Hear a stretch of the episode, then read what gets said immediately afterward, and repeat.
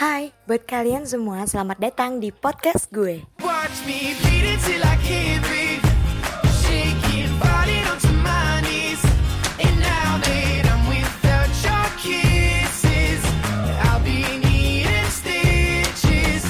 Hai, buat kalian semua selamat pagi, selamat siang, selamat malam, dan selamat sore Buat kalian yang lagi dengerin podcast gue Tepuk tangan dulu gue Nah, gue ngerekam podcast ini di siang hari ini yang menjelang panas sekali Yang sampai bikin gue pengen minum bergalon-galon ya Ayolah lebay banget ya Oke, izinkan gue memperkenalkan diri Kenalin nama gue Mista Semoga kalian yang lagi ngedengerin podcast ini selalu bahagia dan semangat ngejalan aktivitasnya ya. Amin. BTW, udah pada siap belum buat ngejalanin hari ini? Udah siap kan ya? Siap lah, gue aja siap. Oke, eh gini gini nih. BTW, gue mau nanya nih sama kalian. Kalian sebelumnya pernah nggak sih ngerasain kayak males ah mau sekolah, males ah mau kuliah. Kenapa sih pada males? Gue tuh lagi males tau nggak sih mau sekolah atau kuliah. Gue tuh lagi musuhan sama si ah, oga banget gue mau ngeliat mukanya. Atau kalian tuh nggak mau sekolah gara-gara hari ini tuh pelajarian yang kalian nggak suka banget. Atau kalian nggak mau nih sekolah atau kuliah karena bapaknya tuh bener-bener nyeberin parah. Kita sebut aja si bapaknya, si X. Bapak X ini nyebelin banget. Gue gak suka ngeliat mukanya. Hmm, Gue tuh kayak pengen Sumpah gue pengen ngehujat. Astaga Jadinya kalian tuh males banget kan mau kuliah. Jadinya udahlah gue balas aja. Mau sekolah jadinya. Udahlah gue balas aja ya. Aduh gue males ngeliat muka bapak itu. Atau kalian gak mau nih mau sekolah atau kuliah gara-gara Pelajaran kalian itu ada suatu benda yang kalian biasanya bawa ke mana-mana Terus gak ada atau kalian nggak mau sekolah atau kuliah karena ibu kalian tuh masak nggak sesuai dengan maunya kalian. Eits, tunggu dulu. Tahu nggak sih kalian, ternyata pemikiran yang kayak gitu tuh disebut dengan pola pikir irasional. Apa sih pola pikir irasional itu? Menurut Kamus Besar Bahasa Indonesia, pola pikir irasional adalah pola pikir di luar akal sehat manusia itu sendiri atau enggak rasional gitu. Tahu nggak sih kalian pola pikir irasional itu bisa loh mempengaruhi prestasi belajar? Kok bisa? Kenapa? Ternyata pola pikir irasional itu bisa membuat seseorang jadi pesimis dan merendahkan diri sendiri.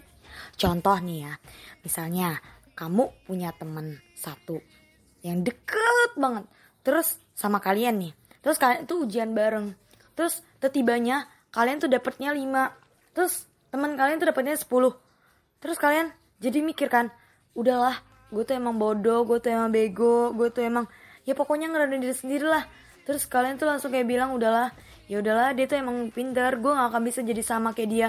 Jadi kayak kalian ngerendahin diri kalian sendiri nggak sih? Padahal kalian tuh sering main bareng sama dia ke mana-mana bareng ibarat kalian tuh kayak udah kayak lem nempel mulut ke mana-mana kan ya.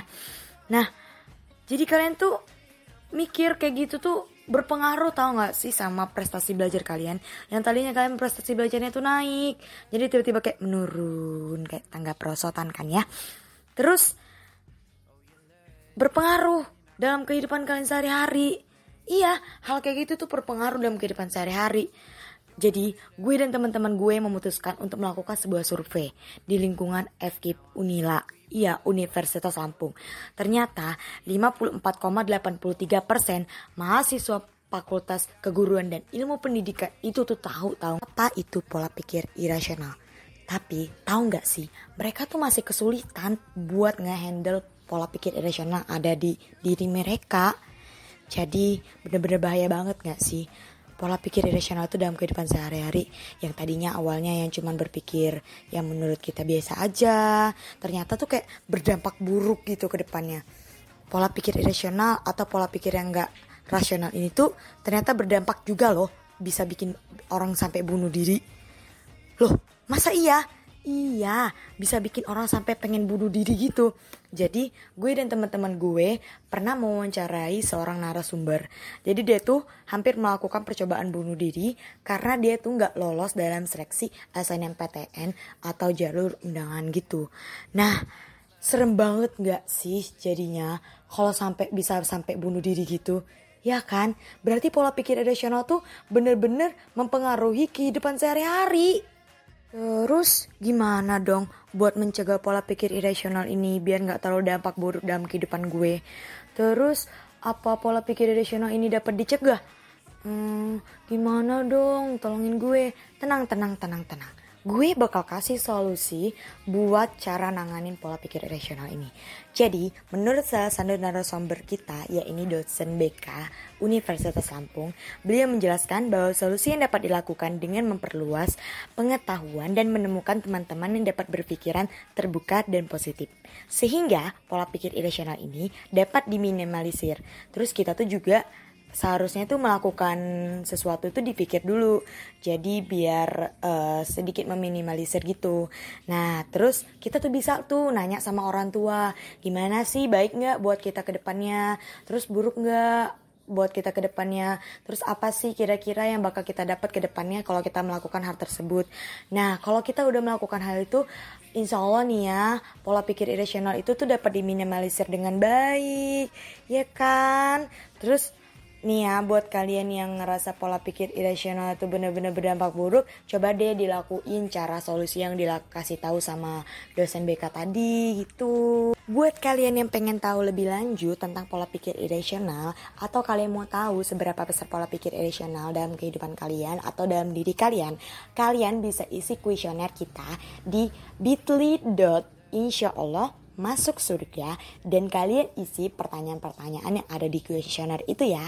Nah, sekian aja podcast gue kali ini. Semoga kalian bisa mendengar dengan baik tentang pola pikir irasional yang udah gue lakukan sebuah survei tersebut dan semoga podcast kali ini bermanfaat keep enjoy and don't forget smile in your all activity and bye bye